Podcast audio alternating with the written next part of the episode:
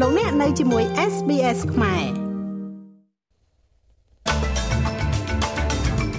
កតាបកិច្ចស្នាក់នៅដាច់ដោយឡែកពីគេសម្រាប់អ្នកកើតជំងឺ Covid នឹងត្រូវបញ្ចប់ត្រឹមថ្ងៃទី14ខែតុលានេះប៉ូលីសសហព័ន្ធអូស្ត្រាលីធ្វើកិច្ចប្រតិបត្តិការការពារជនរងគ្រោះនៃការលេចធ្លាយទិន្នន័យរបស់ក្រុមហ៊ុន Optus ក្រុមសង្គ្រោះបន្ទាន់កំពុងប្រញាប់ប្រញាល់ចូលក្នុងតំបន់រងគ្រោះដើម្បីសង្គ្រោះអ្នកស្រុកក្នុងរដ្ឋ Florida ដែលជាប់គាំងដោយសារខ្យល់ព្យុះ Hurricane Ian គណៈរដ្ឋមន្ត្រីជាតិបានយល់ព្រមលុបចោលច្បាប់ដាក់ឲ្យនៅដាច់ដោយឡែកពីគេសម្រាប់អ្នកកើតជំងឺ Covid ចាប់ពីពាក់កណ្ដាលខែតុលានេះទៅករណីវិជ្ជមាននៃវីរុសកូវីដ -19 នាពេលបច្ចុប្បន្ននេះត្រូវបានតម្រូវឲ្យស្នាក់នៅដាច់ដោយឡែកពីគេរយៈពេល5ថ្ងៃជាកាតព្វកិច្ចគឺថយចុះពីរយៈពេល7ថ្ងៃដែលបានណែនាំនៅពេលដែលโรគរាតត្បាតមានកម្រិតខ្ពស់ ប៉ុន្តែច្បាប់ដាក់ឲ្យនៅដាច់ដោយឡែកពីគេទាំងនេះនឹងត្រូវបញ្ចប់ត្រឹមថ្ងៃទី14ខែតុលាឆ្នាំ2022នេះហើយមានតែបុគ្គលិកធ្វើការនៅមណ្ឌលមើលថែទាំមនុស្សចាស់និងបុគ្គលិកមន្ទីរពេទ្យប៉ុណ្ណោះដែលនឹងនៅតែតម្រូវឲ្យស្នាក់នៅផ្ទះប្រាក់ជំនួយគ្រប់គ្រងសម្រាប់ប្រជាជននៅក្នុងវិស័យផ្សេងទៀតទាំងអស់ក៏នឹងបញ្ចប់ផងដែរ។ ប្រធានមន្ត្រីសុខាភិបាលលោក Paul Kelly មានប្រសាសន៍ថាដំបូន្មានរបស់លោកជូនចំពោះរដ្ឋាភិបាលទទួលស្គាល់ថាមានអត្រាទាបបំផុតនៃការឆ្លងក្នុងសហគមន៍ហើយនឹងអត្រាចាក់ថ្នាំវ៉ាក់សាំងខ្ពស់នៅក្នុងប្រទេសអូស្ត្រាលី It does not in any way suggest that the pandemic is finished. វាមិនមាននៅក្នុងវិធីណាមួយដែលបង្ហាញថាជំងឺរាតត្បាតត្រូវបានបញ្ចប់នោះទេ យើងនឹងស្ទើរតែប្រកាសថានឹងឃើញកម្រិតខ្ពស់បំផុតនៃមេរោគនេះនាពេលអនាគតដោយដែលយើងបានឃើញកាលពីដើមឆ្នាំនេះតែទោះបីជាយ៉ាងណាក៏ដោយនៅពេលនេះយើងមានអត្រាទាបបំផុតទាំងករណីសម្រាប់ព្យាបាលនៅមន្ទីរពេទ្យនៅក្នុងបន្ទប់ ICU ការឆ្លងរាលដាលនៅមណ្ឌលថែទាំមនុស្សចាស់និងវិធានការផ្សេងទៀតដែលយើងបានតាមដានយ៉ាងជិតស្និទ្ធនៅក្នុងរបាយការណ៍បើកចំហប្រចាំសប្តាហ៍របស់យើងលោកនាយករដ្ឋមន្ត្រី Anthony Albanese និយាយថាការសម្រេចចិត្តត្រូវតែធ្វើឡើងដោយផ្អែកទៅលើការផ្លាស់ប្តូរដំបូន្មាននិងការផ្លាស់ប្តូរកលៈទេសៈ There's not a role for government in running every bit of มันមានតួនាទីសម្រាប់រដ្ឋាភិបាលនៅក្នុងការដឹកនាំប្រជាជនទាំងអស់ក្នុងជីវិតរស់នៅរបស់ពួកគេជារៀងរហូតនោះទេហើយនោះគឺជាជំហរដ៏រឹងមាំរបស់ខ្ញុំនេះមិនមែនជារឿងមនោគមវិជ្ជាទេនេះគឺជាលទ្ធផលជាក់ស្ដែងដែលត្រូវបានឯកភាពគ្នាទូទាំងក្រុមប្រឹក្សា នៅក្នុងពេលជាមួយគ្នានេះដែរជំនួយគ្រប់គ្រងរបស់កងកម្លាំងការពារអូស្ត្រាលី ADF សម្រាប់វិស័យថែទាំមនុស្សចាស់ក៏នឹងបញ្ចប់នៅថ្ងៃនេះនៅក្នុងសេចក្តីថ្លែងការណ៍រួមដែលចេញផ្សាយដោយរដ្ឋមន្ត្រីការពារជាតិលោក Richard Marles និងរដ្ឋមន្ត្រីក្រសួងថែទាំមនុស្សចាស់លោកស្រី Anika Wells អ្នកទាំងពីរបានអះអាងថាជំនួយនេះនឹងមិនត្រូវបានបន្តហួសពីថ្ងៃសុក្រនេះទេជាមួយនឹងកម្រិតនៃការឆ្លងវីរុសកូវីដ -19 ខ្ពស់បំផុតនៅរដូវរងាបានបញ្ចប់ទៅហើយ។ លោក Males ដែលជាឧបនាយករដ្ឋមន្ត្រីមានប្រសាសន៍ថាធនធានរបស់ ADF ត្រូវតែប្រើប្រាស់សម្រាប់វិស័យអតិភិបផ្សេងទៀតប៉ូលីសសហព័ន្ធអូស្ត្រាលី AFP និយាយថាខ្លួនកំពុងតែចាប់ដៃគូជាមួយសមាភិកីរដ្ឋនិងសហព័ន្ធក្នុងកិច្ចប្រតិបត្តិការមួយដើម្បីការពារប្រជាជនជាង10000នាក់ដែលជាជនរងគ្រោះនៃការលេចធ្លាយទិន្នន័យរបស់ Optus ជំនួយការស្នងការសម្រាប់ Cyber Command លោកស្រី Justin Goff និយាយថាប្រតិបត្តិការការពារឬក៏ Operation Guardian មានគោលបំណងនឹងផ្ដល់ការការពារឲ្យបានច្រើនតាមដែលអាចធ្វើទៅបានខណៈពេលដែលមានការស៊ើបអង្កេតនៅតែបន្ត Customers affected by the breach will receive multi-jurisdictional អតិថិជនដែលរងផលប៉ះពាល់ដោយការបំពាននេះនឹងទទួលបាននូវការការពារពហុយុត្តាធិការនិងការការពារជាច្រើនជាន់ពីខាងអ ுக ្រិតកម្មអត្តសញ្ញាណនិងការក្លែងបន្លំផ្នែកហិរញ្ញវត្ថុបុគ្គល10000នាក់ដែលអាចមានពិន្ទុ100នៃអត្តសញ្ញាណបានចេញផ្សាយតាមអ៊ីនធឺណិតនោះនឹងត្រូវបានផ្ដល់អត្ថិភាព រដ្ឋាភិបាលសហព័ន្ធនិយាយថាខ្លួនកំពុងធ្វើតាមការអនុសាសន៍នៃរបាយការណ៍ដែលបានរកឃើញថាការបៀតបៀនផ្លូវភេទលើនយោជិកមានពាសពេញនៅក្នុងប្រតិបត្តិការ Antarctica របស់អូស្ត្រាលីបុគ្គលិកកម្មករបានប្រាប់សាស្ត្រាចារ្យ Meredith Nass ថាពួកគេតែងតែទទួលរងនឹងការទាមទារចំពោះការរួមភេទដែលមិនស្វាគមន៍និងការបង្ហាញឲ្យឃើញនៅការប្រមាថមើលងាយភេទដូចគ្នានិងរូបភាពអាសអាភាស ហើយស្ត្រីមានអារម្មណ៍ថាមានសម្ពាធនៅក្នុងការលាក់វត្តរដូវរបស់ពួកគេដោយសារភ័យខ្លាចការប្រមាថនិងការវិនិច្ឆ័យរដ្ឋមន្ត្រីក្រសួងបរិស្ថានលោកស្រី Tanya Plibersik មានប្រសាសន៍ថាការផ្លាស់ប្ដូរវប្បធម៌បានចាប់ផ្ដើមរួចហើយនៅក្នុងផ្នែក Antarctica Division របស់ប្រទេសអូស្ត្រាលីប៉ុន្តែត្រូវការឲ្យមានការផ្លាស់ប្ដូរបន្ថែមទៀត ពិធីរំលឹកវិញ្ញាណក្ខន្ធដល់អ្នកដែលបានពលីជីវិតនៅក្នុងសង្គ្រាមអូស្ត្រាលីឬក៏ Australian War Memorial បានប្រកាសផែនការពង្រីកការពិពណ៌នាអំពីសង្គ្រាមព្រំដែនរបស់ប្រទេសនេះ។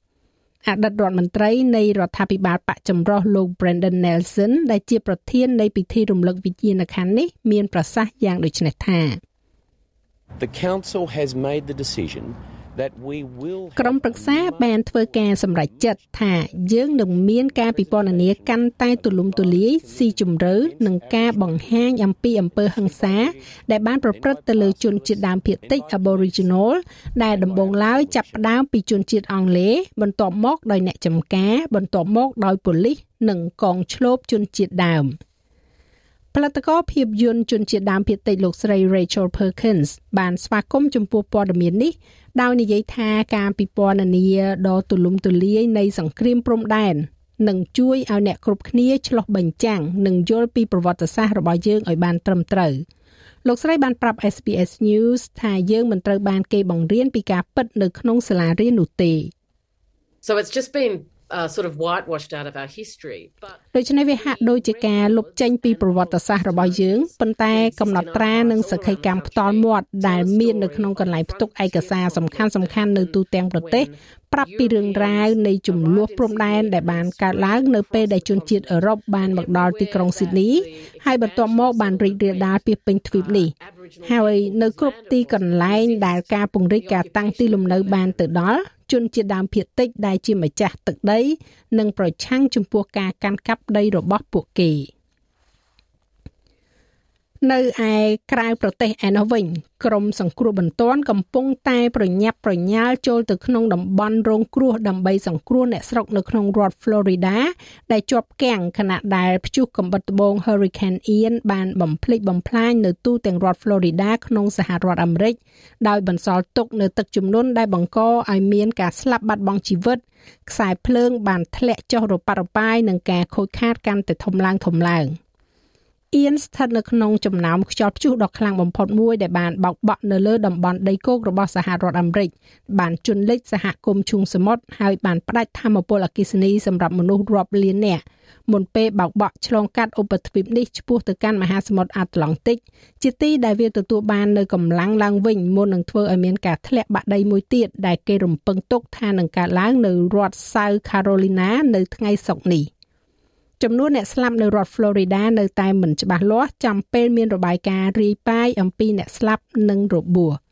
លោកប្រធានាធិបតី Joe Biden និយាយថាខ្យល់ព្យុះអៀនអាចបង្ហាញថាជាខ្យល់ព្យុះដែលធ្វើឲ្យមានមនុស្សស្លាប់ច្រើនបំផុតក្នុងប្រវត្តិសាស្ត្រនៃរដ្ឋនេះ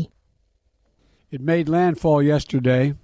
and it is still still moving across វាបានធ្វើឲ្យមានការបាក់ដីកាលពីម្សិលមិញហើយវានៅតែបន្តបន្តធ្វើដំណើរឆ្លងកាត់រដ្ឋនេះនៅថ្ងៃនេះវាអាចជាខ្យល់ព្យុះដ៏សាហាវបំផុតក្នុងប្រវត្តិសាស្ត្ររបស់រដ្ឋ Florida ចំនួនមនុស្សស្លាប់នៅតែមិនទាន់ច្បាស់លាស់នៅឡើយប៉ុន្តែយើងកំពុងតែស្ដាប់ឮនៅរបាយការណ៍ដំបូងអំពីអ្វីដែលអាចមានការបាត់បង់ជីវិតមនុស្សជាច្រើន។ សេវាកម្មផ្សព្វផ្សាយព័ត៌មាន BBC World Service បានប្រកាសថាខ្លួននឹងឈប់ផលិតកម្មវិធីវិទ្យុជាភាសាចំនួន10ភាសា រួមមានភាសាចិន អារ៉ាប់ហិណ្ឌីនិងភើសៀនបុគ្គលិកជិត400នាក់នឹងបាត់បង់ការងារដោយសារតែសេចក្តីប្រកាសនេះ។ ថ្លៃអាជ្ញាប័ណ្ណរបស់ BBC ត្រូវបានរក្សាទុកនៅក្រោមអត្រាអតិផរណាអស់រយៈពេលជាច្រើនឆ្នាំមកហើយហើយនៅឆ្នាំនេះគេតម្រូវឲ្យកាត់បន្ថយថវិកាជិត30លានផោនដែលត្រូវនឹងប្រមាណជា50លានដុល្លារអូស្ត្រាលី BBC World Service ធ្លាប់ទទួលបានមូលនិធិពីរដ្ឋាភិបាលអង់គ្លេសហើយត្រូវបានគេមើលឃើញថាជាធាតុដ៏រឹងមាំបំផុតមួយនៃធម្មពលទុនសម្រាប់ចក្រភពអង់គ្លេសជុំវិញពិភពលោក រដ្ឋាភិបាលនៃគណៈបកអភិរក្សនិយមបានកាត់ផ្តាច់មូលនិធិនោះក្នុងឆ្នាំ2010ហើយបានបញ្ចូលការចំណាយទៅក្នុងថ្លៃអាជ្ញាប័ណ្ណក្នុងស្រុក BBC និយាយថាទោះបីជាមានការកាត់ផ្តាច់សេវាកម្មវិទ្យុក៏ដោយ តែប្រតិបត្តិការ Digital នឹងនៅតែបន្តគ្រប់ភាសាទាំងអស់ នៅក្នុងប្រទេសកម្ពុជាវិញក្រសួងធនធានទឹកនិងឧតុនិយមកាលពីថ្ងៃទី29ខែកញ្ញាម្សិលមិញបានប្រកាសថាក្នុងរយៈពេល3ទៅ4ថ្ងៃខាងមុខទៀតកម្ពស់ទឹកទន្លេមេគង្គអាចហក់ឡើងខ្លាំងដោយសារតែឥទ្ធិពលខ្យល់ព្យុះនូរុលោកសុតកឹមកុលមនីជាអ្នកនាំពាក្យគណៈកម្មាធិការជាតិគ្រប់គ្រងគ្រោះមហន្តរាយបានឲ្យដឹងថាចាប់តាំងពីដើមរដូវវស្សាមកដល់ពេលបច្ចុប្បន្ននេះខេត្តចំនួន19នៅកម្ពុជាបានទទួលរងគ្រោះនៅទឹកជំនន់ទឹកភ្លៀង។ ខេត្តដែលប៉ះពាល់ធ្ងន់មានខេត្តកំពង់ធំសៀមរាបបន្ទាយមានជ័យហើយដោយសារស្ថានភាពប្រមាណទូអតិពលប្រជុំប្រមាណថ្ងៃនេះទៀតអាចនឹងមានអាការឡើងស្ថានភាពខេត្តមួយចំនួនទៀតដូចខេត្តបាត់បងខេត្តពោធិ៍សាត់ហើយអាចនឹងផាត់ខេត្តបង្កើនការប៉ះពាល់បន្ថែមទៀត ចាលោកមេងផាឡានឹងជួនសេចក្តីរាយការណ៍លម្អិតនៅវគ្គក្រោយបន្ថែមទៀតឬលោកអ្នកអាចបើកស្ដាប់របាយការណ៍ពេញលើគេហទំព័ររបស់យើងនោះគឺ sps.com.au/ ខ្មែរនៅក្នុងព័ត៌មានកីឡាបាល់ទាត់ AFL មានសេចក្តីរាយការណ៍មកថាខ្សែបម្រើឆ្នើម Jordan De Gory បានបដិសេធ ក្រុមសាំងឃីលដាហើយចុះហត្ថលេខាម្ដងទៀតជាមួយនឹងក្រុម Collingwood ក្នុងកិច្ចសន្យារយៈពេល5ឆ្នាំកីឡាករវ័យ26ឆ្នាំរូបនេះកំពុងពិចារណាផ្លាស់ចេញពីក្រុម Magpie ដែលចង់ដាក់បញ្ចូលមេត្រាស្ដីអំពីអាកប្បកិរិយានៅក្នុងកិច្ចសន្យារបស់ខ្លួនប៉ុន្តែគេជឿថាភាគីសងខាងបានឈានដល់ការសម្រុះសម្រួលគ្នាជាមួយនឹងល្បះនោះតែក្នុងរយៈពេល2ឆ្នាំដំបូងនៃកិច្ចព្រមព្រៀងថ្មីរបស់លោកតែប៉ុណ្ណោះកីឡាករ De Gory ដែលស្ថិតនៅក្នុងក្រសែភ្នែករបស់ Essendon នោះបានលេងនៅក្នុងការប្រកួតចំនួន137ដងឲ្យក្រុម Magpie តម្លៃខ្លួនរបស់លោកបានកើនឡើងជាមួយនឹងការបញ្ចប់ដ៏គួរឲ្យរំភើបនៅរដូវកាល2022នេះប៉ុន្តែការប្រព្រឹត្តខុសនៅក្រៅទីលានបានគំរាមកំហែងដល់អាជីពរបស់លោកក្នុងរយៈពេល12ខែចុងក្រោយនេះ។ ចំណែកឯអត្រាប្តូរប្រាក់វិញ1ដុល្លារអូស្ត្រាលីមានតម្លៃប្រមាណជាជិត65សេនដុល្លារអាមេរិកត្រូវនឹងប្រមាណជា2650រៀលប្រាក់រៀលខ្មែរ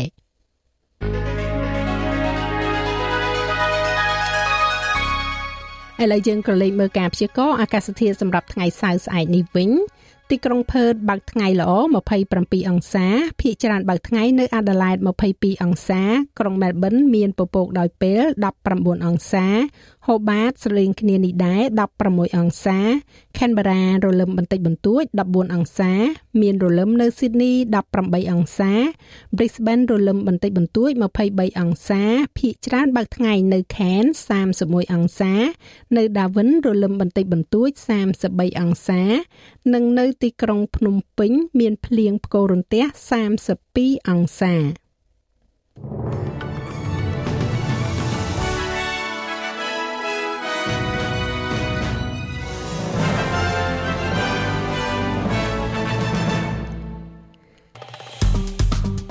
ចុច like share comment និង follow SPS ខ្មែរនៅលើ Facebook